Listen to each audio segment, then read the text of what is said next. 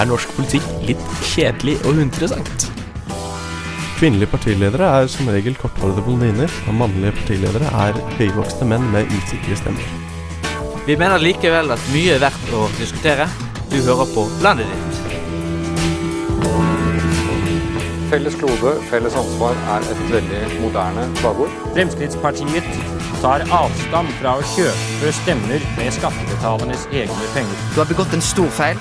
Du har prøvd å beklage, og mitt tydelige budskap til deg er at nå er det nok, Per Sandberg. I dag, I dag har velgerne stemt frem en historisk sterk valgseier for de borgerlige partiene. Kjære landsmenn, norske kvinner og menn. Velkommen til landet ditt på Studentradioen i Bergen. Ja, det er meg, eh, min ære og glede å kunne si velkommen til denne lille timen eh, av himmel vi har eh, hver eneste uke her eh, i landet i, på Studentradioen. Eh, det har vært sommer nå i en, eh, det som føles som en evighet, og det er så fantastisk vær at eh, hva skal si, agurktilstandene i norske aviser eh, nærmer seg eh, apokalyptiske tilstander. Eh, men, kjære lytter, frykt ikke. Vi har eh, funnet et par ting vi mener er eh, ja, skal si, snakkeverdige, som vi skal presentere til deg eh, i denne ukens utgave av Landet ditt. Mitt navn er Torstein Bø, og jeg har ikke denne gleden alene. Med meg har vi også Espen Våge. Hei, hei, hei! Hva skal vi snakke om? Vi skal snakke om det norske spillmonopolet, som har blitt trukket frem denne uken. Ja. Og så skal vi òg snakke om en person som bare øker i popularitet, nemlig Trump. Han fortsetter å få støtte fra viktige kanter. Ja, nå eh, har jo republikanerne skjønt at de endelig bare må bite det sure eplet, som det heter. Godt er det. Vi har også eh, følge av uh, Tobias Ottstad Jensen. Hei, hei, Torstein. Hva annet skal vi snakke om? Vi skal bl.a. snakke om eh, eh, utbygging av E18 i Asker og Bærum, som Miljøpartiet De Grønne fortsatt driver og saboterer. og vi skal også snakke om Top Gear, som ble nektet å filme i Norge. Og vi skal fortelle litt om hvorfor, og spørre om det var en så smart løsning. Om det var riktig, da. Ja, eh, og i litt mindre agurklignende nyheter skal vi også eh, ta for oss eh, skal vi si, Syria-bidraget, som vi nå har bestemt oss for å sende ned eh, dit. Eh, og fortell deg litt om det, da, kjære lytter, i denne timen eh, framover her på Studentradioen i Bergen. Men før noe av det skjer. Hey there, motherfucker! You should totally listen to Landet on Student, Radio in Bergen! Why? Why the fuck? They're amazing at political analysis! Og da er det jo fornuftig å gå mot sentrum. They're passionate about their job! Beklager, Chuck-up, ass. Back to chuck-up. One of them is a goddamn politician! Espen? Tror eller håper. Jeg håper det blir bra. Listen to Landet, you goddamn son of a beatball! For ekstreme politiske nyheter, hør på landet ditt. Din kulturminister, kjære norske statsborger, eh, kom i dag ut med en uforbeholden støtte til eh, dagens eh, hva skal jeg si, tippemonopol og finansieringen den så gir videre til norsk idrett osv. I år ga overskuddet fra Norsk Tipping idretten 2,4 milliarder kroner. Jeg leser her fra Halden Arbeiderblad, faktisk, min lokalavis. Og det får man til å spørre seg hvor relevant er det i disse tider med å fortsatt ha et statsmonopol på uh, Norsk Tipping? Det er igjen det samme gamle, gode forklaringen med Vinmonopolet. Man har lyst til at det skal skje i ordnede former. Og uh, man har lyst til at uh, det skal ha et monopol, da, sånn at det ikke går konkurranse i noe mange anser som uh, problematisk, Tobias. Ja, for det er nettopp det man har på en måte innsett at man blir ikke kvitt det. Så da er det liksom valget mellom at staten tar kontroll over det, eller at, uh, eller at det frislippes uh, slik at all mulig fandenskap kan skje. Espen? Jo, man skal på en måte beskyttes gjennom denne monopolordningen, da. Ja. Men jeg eh, opplever jo faktisk egentlig Norsk Tipping spesielt som vel så aggressiv, og mye mer aggressiv enn absolutt alle andre spillselskaper. De er på uh, vg.no når jeg ser på de reklamene som kommer opp på siden der. Uh, de sender ut uh, tekstmeldinger, de sender ut eh, e-poster, og de har store bannere på lokalbutikkene til folk Ja. med de enorme syke premiepottene som eh, tidvis eh, bygger seg opp. Ja, dette er jo et resultat av at de rett og slett må konkurrere med de utenlandske uh, versjonene. Altså Norges jackpotene og alle de andre du ser reklamer for på TV Norge 24 jævla timer i døgnet. Det er voldsomt hvor mye eh, det reklameres for de. Og eh, du kan si at de virker som kyniske aktører, eller det virker som en mer aggressiv skal si, tippeinstans enn det man ønsker å ha i landet. Men også som uh, vår medarbeider Håvard Lid uh, har pekt ut i en ganske god um, kommentar i BT, uh, så har disse private, blir det vel, selskapene de kan gi ut opptil 97-98 av sin inntjening ut i gevinst. Fordi de ikke har disse grasrotsgreiene. De har ikke uh, det, det, det der gode greiene med at uh, overskuddet skal gå til norsk idrett, uh, f.eks. Så de Altså, hvis du har lyst til å vinne, og det er ikke så veldig mange andre motiver for å gamble, så er det jo åpenbart at uh, de selskapene er langt, langt bedre for deg. Ja, Samtidig så er det kanskje litt sånn Altså, spiller du mer når du vet at det er høy premie? For hvis, du, hvis det får deg til å gamble mer enn du ellers ville gjort, så er det jo litt synd, da, på en måte. For la oss si Norsk Tipping har et system som gir mindre penger som gevinst. Mm. Men da har du på en måte mer ansvarlig i hermetegn system også. Fordi du holder på en måte gevinstmulighetene nede, samtidig som du sørger for at uh, den, den uh, andelen spill Skal vi se Andelen du bruker på å spille, den går til mest mulig nyttige formål, da. Og ikke bare ut som gevinst til den ene personen som vinner. Ja, men det er faktisk ikke så utrolig mye penger som ender opp hos eh, de ulike eh, idrettslagene. Eh, og man har faktisk mye større problemer i, i ethvert idrettslag nå enn det man hadde for 10-15 år siden. Eh, et godt eksempel det, er sånn, det er fordi For det første så er ikke det alle som har registrert grasrotandel på sin spilling. Mm. Det er jo et problem at folk ikke gjør. Eh, da mister man potensielle eh, penger der. Og det er faktisk ganske lite penger sammenlignet med hva man kunne få hvis man hadde egne spilleautomater, sånn som idrettslag kunne ha sjøl eh, tidligere. Før så var det idrettslag sjøl som hadde spilleautomater i butikkene. Og jeg skal love deg at det var big business. Jeg hadde et lite fotballag eh, med meg og mine klassekamerater. Og vi hadde to veldig eh, godt posisjonerte spilleautomater når vi var seks og syv år. Og vi hadde mange hundre tusen kroner vi tjente i året på det. Frem Jaså. til de tok vekk Men, men du, du sier at det ikke er snakk om mye penger. Altså Her i 2014 så fikk Norsk Tipping et overskudd på 9 milliarder kroner. Eh, hvorpå 5,2 gikk eh, til idretten, samfunnsnyttige formål og kulturlivet. Det er jo ikke lite penger, vil du si det? Nei, men altså, det er ikke så mye når du faktisk ser på hvor mye idrett vi faktisk har, og hvor mye eh, vedlikehold og hvor mye bygging man faktisk må gjøre for å, for å holde den opp til par. da. Ja. Men samtidig så er det litt greit å se på hvem er det som spiller mest. Uh, og jeg, jeg syns jeg leste en studie fra USA som viser at uh, fattige spiller mye mer enn rike, på en måte. Og da begynner det å bli sånn herre Skal da de fattige finansiere Skal vi se skal vi se, utbygging av ting som kommer fellesskapet til gode.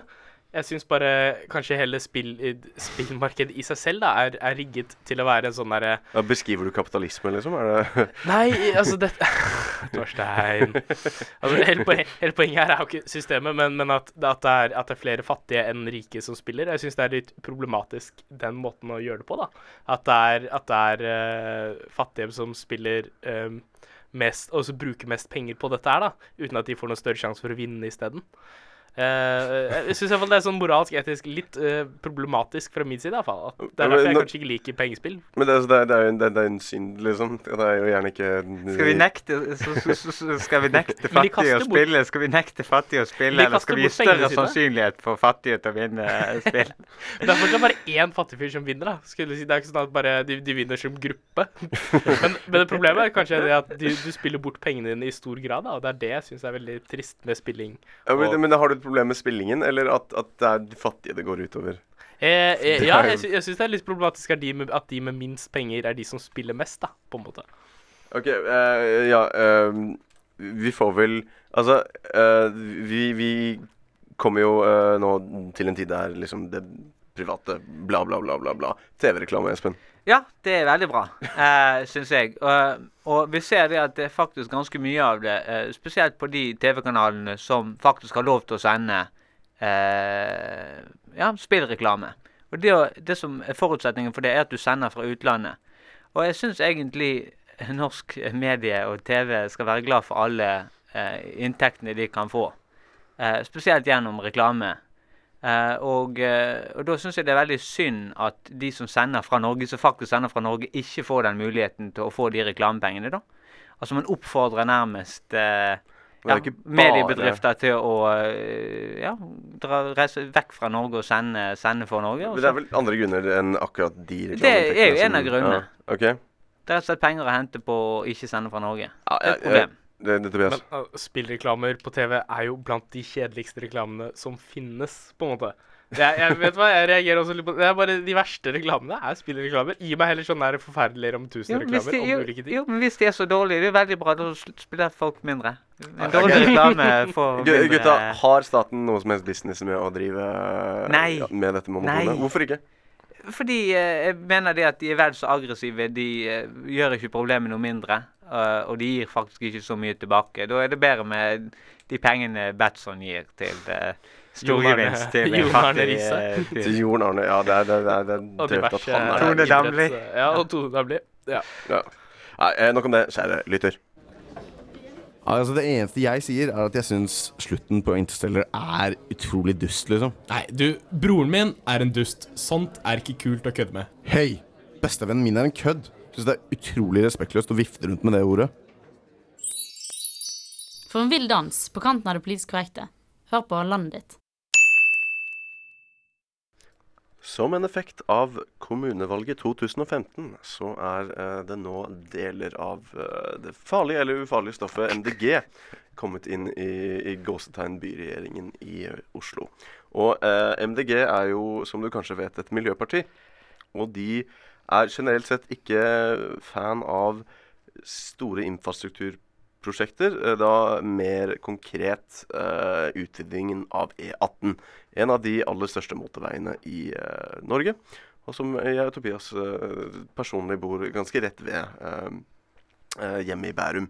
Eh, den skal utvides til eh, seks felt, og gud a meg så mye eh, som skal skje. Eh, men det har vært eh, i hele eh, denne våren masse eh, ramaskrik mellom da eh, MDG, som helst vil unngå å ha en utvidelse av noe som helst vei relatert, og eh, resten av Østlandet, som basically har planlagt dette i over ti år.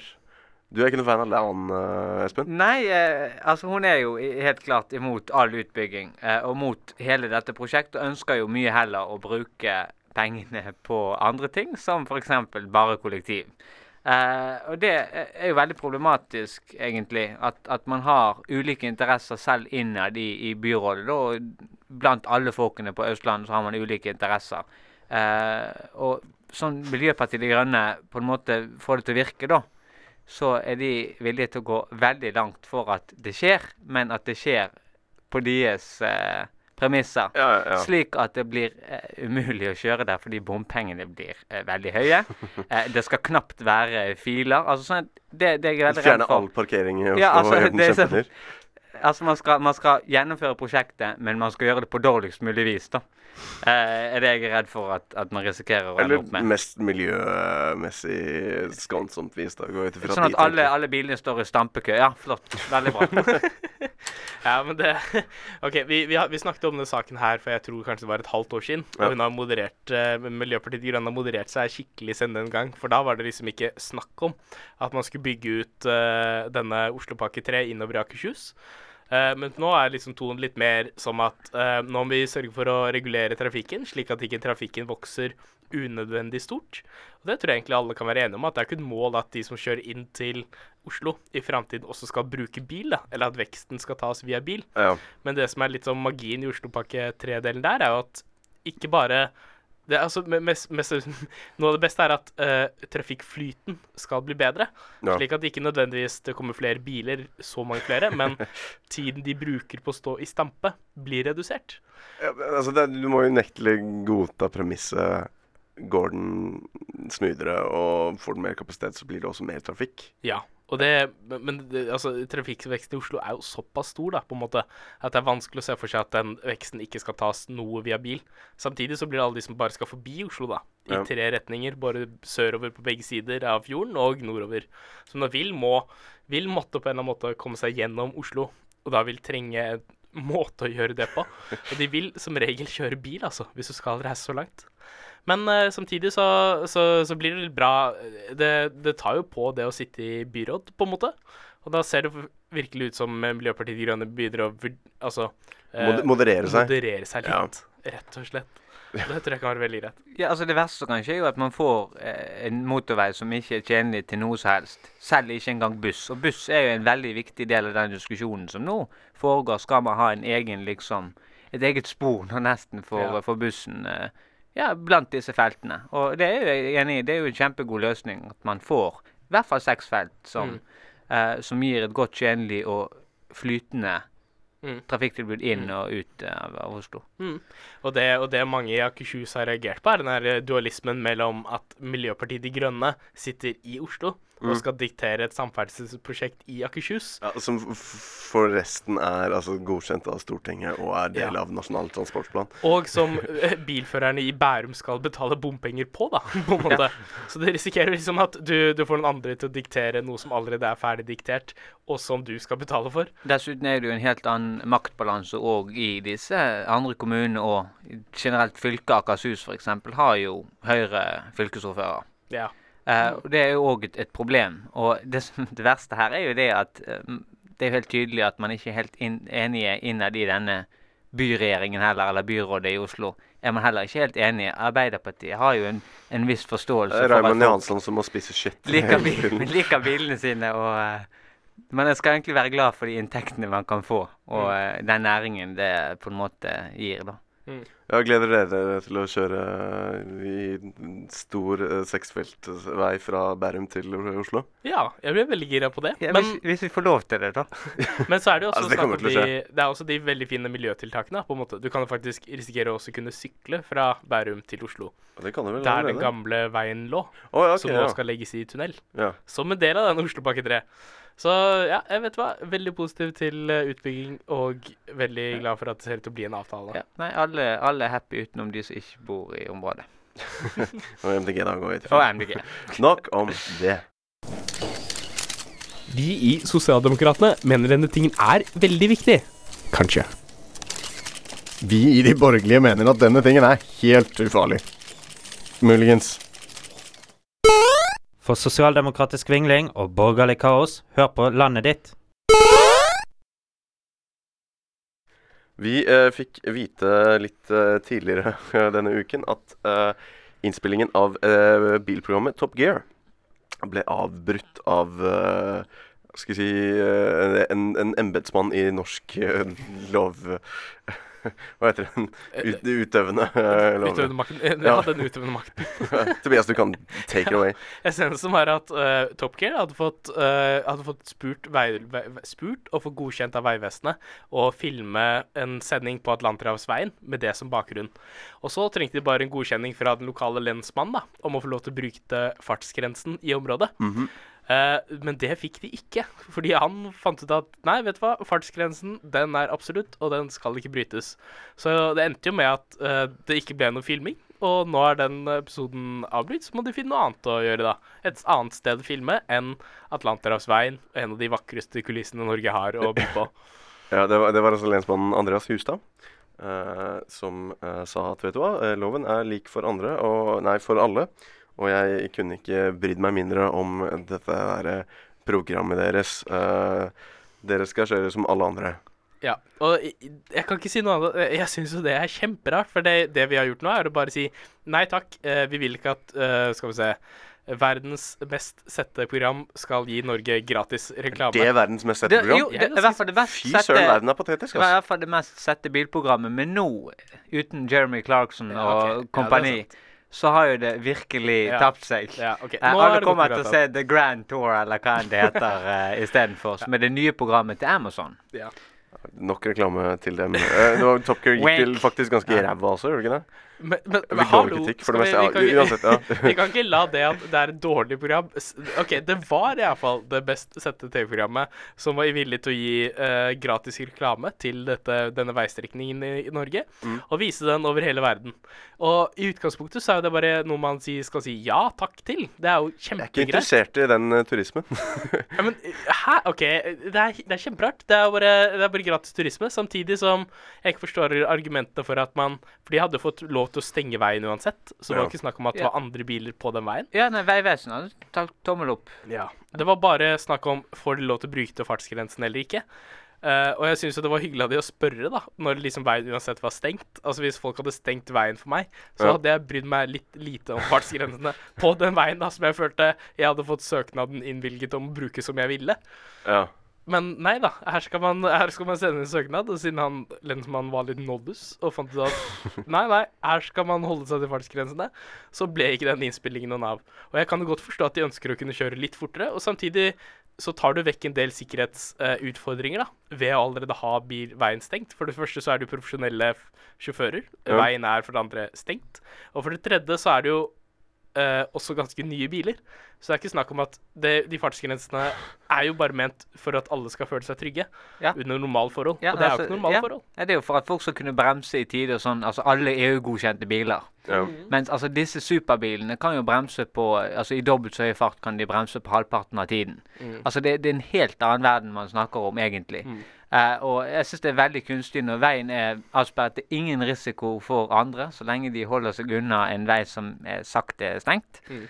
Så, eh, så skal ikke det være noe problem. Dette, dette hadde vært fint for Norge. Mm. Dette er sånn jeg ønsker. OK, ok, ok, greit. Men uh, nei. Jeg, jeg må si jeg syns han er ganske badass, han lensmannen. Han, Ja, fikk, ja, han fikk hele tyngden til Big British Castle, eller da, BBC, eh, på seg. Og han sa, vet du hva, loven er lik for andre. Den er, eh, fartsgalleriet dere vil gjøre, det skal ikke jeg ha noe av. Men samtidig så er det jo litt synd, da, for jeg, jeg føler jo vi har jo nå innført en insentivordning, slik at flere eh, utenlandske films, filmselskaper skal velge å flytte filmingen sin til Norge, da, og ikke ha den andre steder. Slik at eh, hvis du velger å filme scen scener i Norge, så blir du kompensert. Slik at du ikke skal liksom straffes for at Norge er et dyrt land å filme i. Og det vi gjør nå, er bare så gjør det motsatte. Her var det folk som var villige til å filme gratis. Ja, men det, var ikke, det var ikke pengeinsentiver, da, var det? Nei, det var bare sånn kan vi filme her? Uh, vi vil kjøre fortere enn loven. Jeg skal ikke si litt fortere, for det er godt mulig at de vil kjøre kjempefort. Det skulle ikke overraske meg. men, uh, men likevel så er jo poenget at her er det faktisk folk som er villige til å gjøre akkurat det vi ønsker flere skal gjøre. Og det er jo litt dumt, da.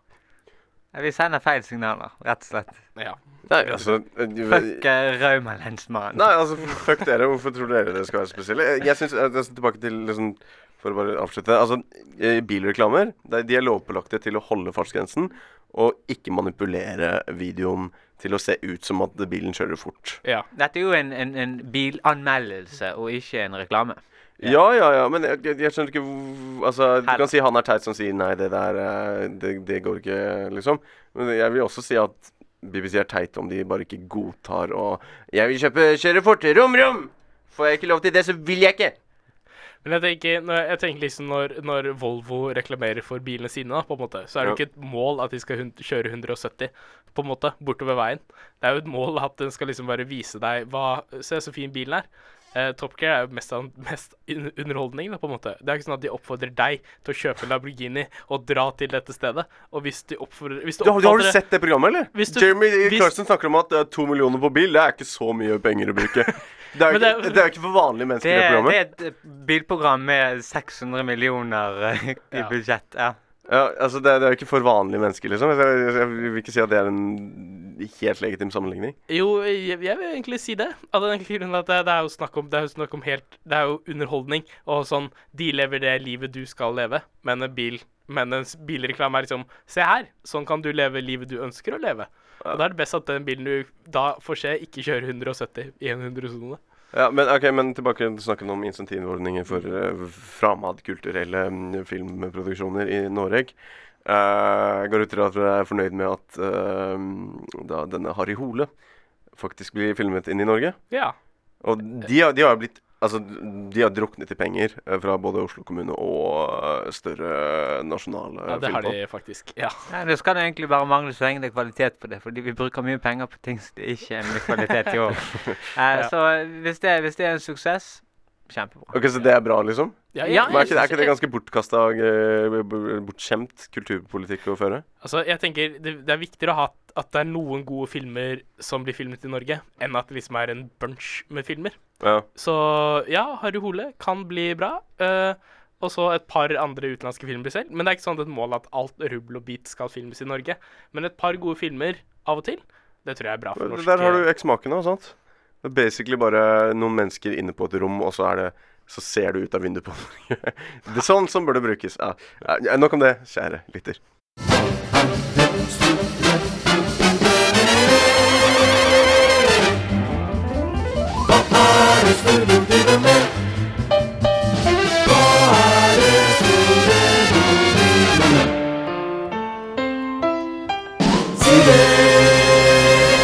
Landet ditt ser til Amerika.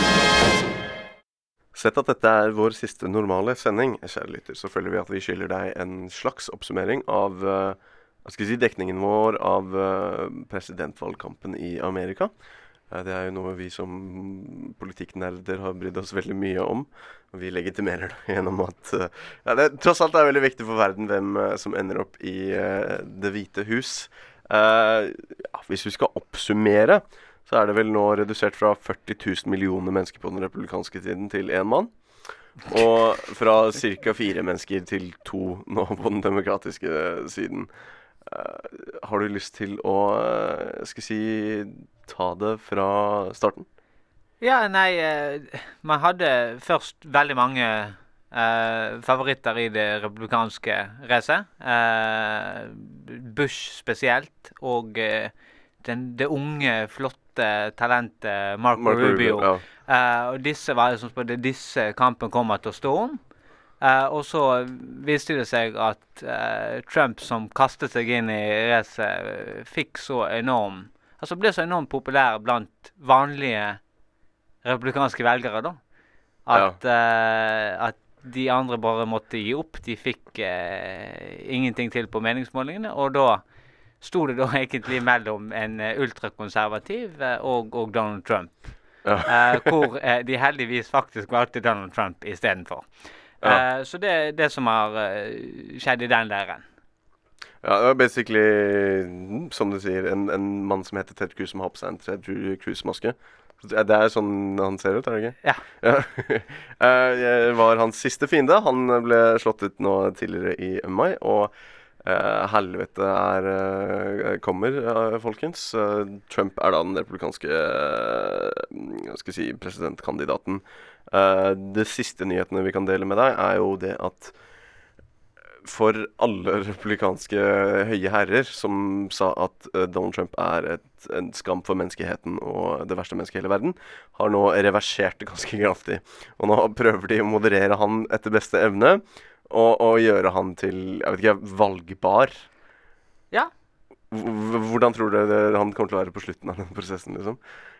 Nei, jeg, jeg, jeg syns iallfall det er veldig spennende at uh, det republikanske nominasjonsvalget, som har hatt så sinnssykt mange kandidater, har nå raskere klart å samle seg om én enn det demokratene klarte når det egentlig bare var to reelle kandidater i utgangspunktet. Mm. Der slåss de fortsatt, og da er det også veldig spennende å se i hvor stor grad klarer nå det republikanske partiet å samle seg rundt Trump som kandidat, raskere enn Hillary Clinton klarer å samle demokratene. For der begynner det også å bli litt stort fiendskap mellom tilhengerne til Bernie Sanders og uh, Hillary Clinton. Ja, og det- beste man kan gjøre, er jo å få inn de virkelig store profilene. Eh, nå har jo han eh, altså blitt endorsed av eh, samtlige av Rifle Associations i USA. Veldig populære bevegelser. Viktig støtte. ikke, ikke, ikke veldig overraskende. Men uansett, man har òg fått støtte fra uh, Paul Ryan, som er Speaker of the House. Uh, veldig uh, viktig politiker fra det republikanske partiet. Eh, og han var jo òg visepresidentkandidaten under Mitt Romney. Så, så en veldig viktig figur som nå nylig bl.a. har gitt sin støtte. Store police, eh, altså politistøtter i viktige byer eh, har gitt sin støtte. Altså Det- Altså Fox News gjennom Meghan Kelly, da.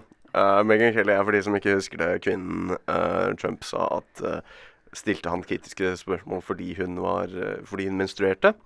Eh, det var visstnok et helt jævlig flaut intervju på tre kvarter der Megan Kelly basically da mange tror på oppdrag fra Rupert Murdoch blir bedt om å skryte om uh, Donald Trump i tre kvarter. Så det er ganske Det en, eh, fascinerende. Ja, det var en ganske flau seanse, jeg har høre. Jeg har faktisk ikke giddet å se den selv, men Men, men det vi uansett må kunne si, er jo det at man har faktisk klart å samle seg rundt, rundt Trump, uh, mens det er helt annerledes på demokratisk Ja, side. det er basically Hillary nå. faktisk, og, nei, og det som faktisk er så gøy her, er jo det at Bernie Sanders har jo nå i nyere tid kritisert som Hillary for alle disse her skjelettene hun har i skapet. Og det har jo Trump hengt seg på. Så nå har man på en måte de, altså to, altså halvparten av demokratene og alle republikanere går nå sammen mot Hillary allerede før man i det hele tatt har bestemt kandidaten. i Sånn har det vel vært lenge, da. jo, men det er jo kjempebra for uh, Trump, så, så nå ser jeg liksom egentlig ingen grunn til at han ikke klarer å dra dette i land, altså. Mm. Ja, jeg må si mitt eh, inntrykk av Bernie Sanders som person, da, og hvor hans lojalitet ligger, det må jeg si avhenger veldig av i hvor stor grad han kommer til å backe opp Hillary Clinton etter denne veldig opprivende og ødeleggende valgkampen. For det er helt greit at At, hva sa du, Trump? Eh, Bernie Sanders. Oh, ja, ja, ja. Eh, slik at når Bernie Sanders nå antagelig kommer til å tape, mest sannsynlig etter California, uh, og da må trekke seg, så håper jeg han at han gjør sitt beste for å faktisk lege de sårene som han har vært med på å skape, da, på en måte. Hadde Hillary Clinton vært en bedre kandidat, en spen mer spennende kandidat eller en mindre liksom eh, omstridt kandidat, så hadde sikkert ting vært bedre. Men når først ting er så der, så skylder man å skaffe henne de best mulige forutsetninger for å faktisk vinne, da. Ja, men det, det er det som er med amerikansk eh, politikk. Den virker så sjukt bitter, på en måte. Mm. Jeg har vanskeligheter for å tro at det faktisk er mulig. For det første så har liksom Bernie Sanders klart å skape sin egen bevegelse. Og for det andre så var de som gjorde det samme på republikansk side, det var minikandidatene som gjorde et desperat forsøk på å fremdeles holde seg i kampen. Bernie Sanders har faktisk tidvis vært favoritt eh, på de liksom beste meningsmålingene for han i senere tid. da. Eh, personlig så håper jeg han um, føres tilbake til Vermont, og så skjermes fra omverdenen. Og så kan bevegelsen han skapte, uh, leve videre. Fordi jeg, jeg tror Amerika er moden for uh, litt mer sosialisme i seg. Det har vært veldig spennende å se om han bare jeg vet ikke, ble tatt opp til himmelen eller noe, og se hva den bevegelsen gjorde etter han, på en måte. Ja. Det kan rett bli religiøst. Det er veldig farlig. Det har eh, Eh, så Som uh, Tea Party-greiene startet vel, ja, typ 2006, så Mm. ser vi egentlig en slags mer radikal Amerikansk politikk har litt, blitt mer, litt mer eh, spennende enn det ene eller det andre. Ja, da kan det skje litt til. Er ditt parti kun en masse middelaldrende, kjedelige hvite mennesker uten sjarm og egenart? Vil du ha en eh, mer unik og spennende representant for ditt parti? Hos oss i Leien politiker er ingen etterspørsel umulig. Vil du ha en annengenerasjons innvandrer med rogalandsdialekt og mastergrad i menneskerettigheter og rettsvitenskap? Eller vil du ha en eh, trønder med kort lunte og en merkelig oppfatning av ordet regjeringssamarbeid? Alt kan ordnes. Kom inn for en uforpliktende prat i dag. Og husk, hos Leien politiker går regjeringskabalen alltid opp. For unike og spennende politikere, hør på landet ditt. Mine damer og herrer, vi er i krig, selv om det i utgangspunktet er eh, ganske sjeldent at eh, slikt blir innrømmet av eh, forskjellige mennesker vi eh, stoler på at skal styre dette landet. Eh, man eh, bruker heller ordet konflikt, og en del av konflikten vi nå kollektivt globalt har med IS, så har eh, Norge bestemt seg for å eh, sende et par spesialstyrker, litt hist og pist, eh, i Midtøsten for å forhåpentligvis hjelpe til i situasjonen.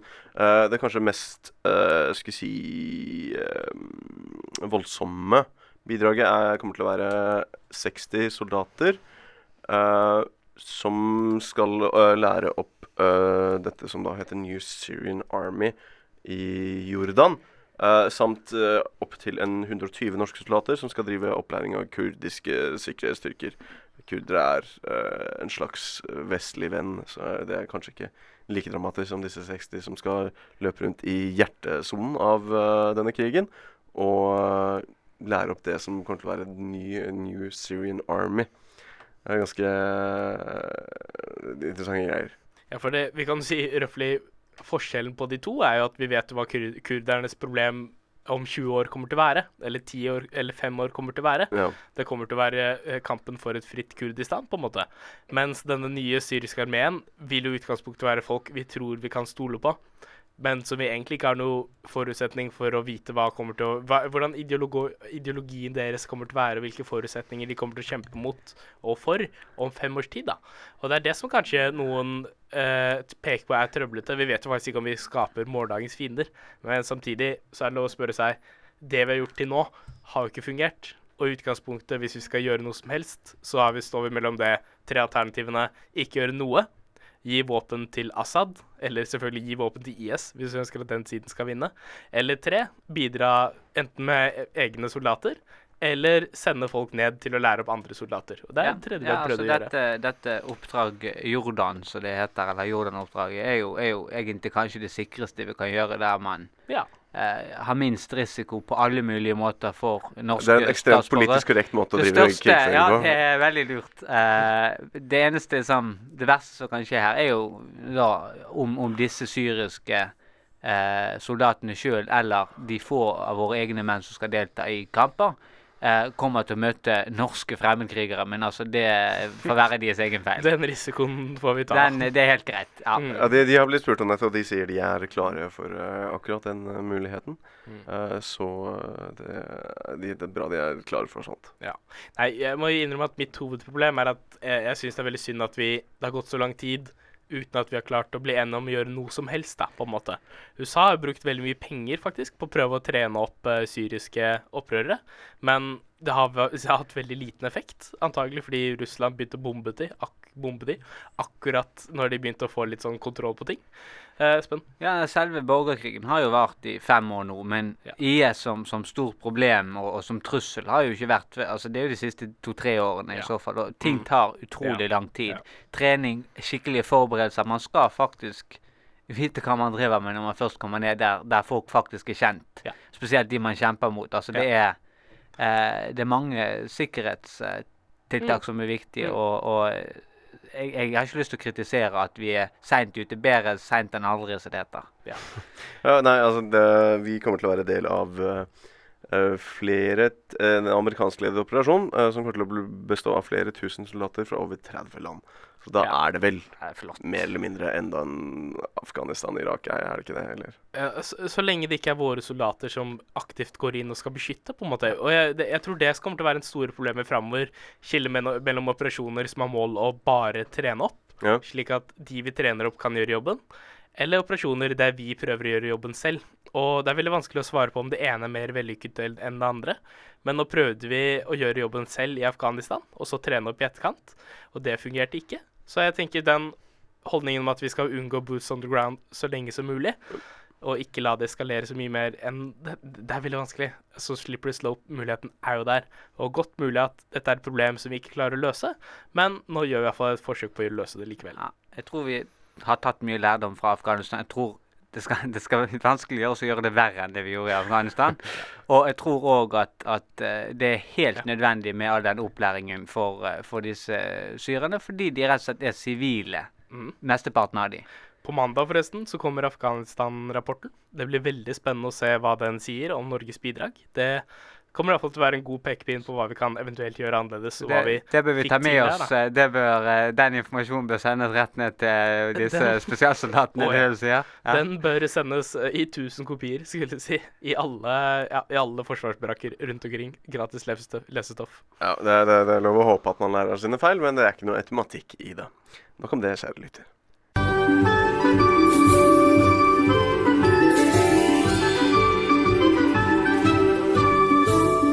Hvis du skulle beskrive Trude Drevland med ett ord, hva ville det være?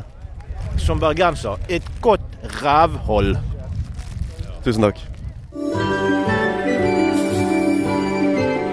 For friske meninger og spreke oppfatninger, hør på landet ditt. Det er dessverre ferdig her eh, på landet ditt for denne omgang, og en ganske lang tid i uh, framtiden. I hvert fall sendestans her på uh, studentradioen i eh, Bergen. Så det du kommer til å høre de neste par ukene, og det vi gir ut av uh, ja, skulle si podcaster kommer til å bli uaktuelle ting og eh, best of. Uh, vi er ferdig for dette semesteret, annet enn eh, de eh, tingene. Og uh, sånn sett så får vi vel eh, gå gjennom uh, siste sending. Uh, Tobias Otterstein Jensen, hva var det du likte? Jeg likte veldig godt å snakke om hva vi skal gjøre med Syria, faktisk. Det er veldig interessant. Veldig spennende å se hvordan det kommer til å gå. Og Espen Våge, hva likte du? Nei, det, det er gøy å, å se det som skjer i USA, det som beveger seg, spesielt nå i California, eh, som Trump har reist rundt i i det siste for å finne nye stemmer og supportere. Eh, som han sier han elsker. Eh, det er veldig gøy. Spillmonopol, interessant, men kjipt at vi ikke har fått fjernet. Eh, E18 må bare bygges. Eh, mye spennende, faktisk. Vanskelig å velge én ting. Ja, For min del så eh, likte jeg veldig godt at en liten lensmann i eh, Møre og Romsdal sa nei til det store produksjonsapparatet Ja. Og det var du aleine om å synes var greit. Ja, får det være meg mot makta. Ja, det, uansett, eh, denne sendingen eh, er, om du hører den på podkast, også tilgjengelig på radiobølger.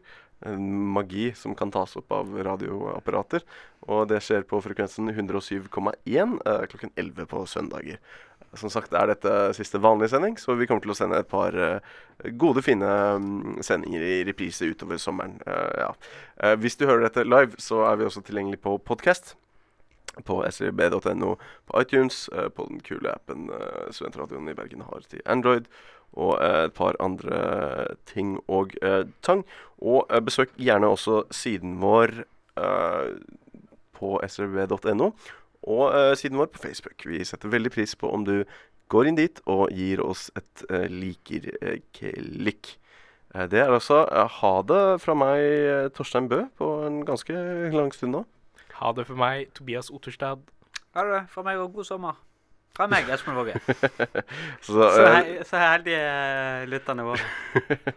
Og så takker produsenten vår Mikkel Kvenås for et uh, godt og fint uh, semester.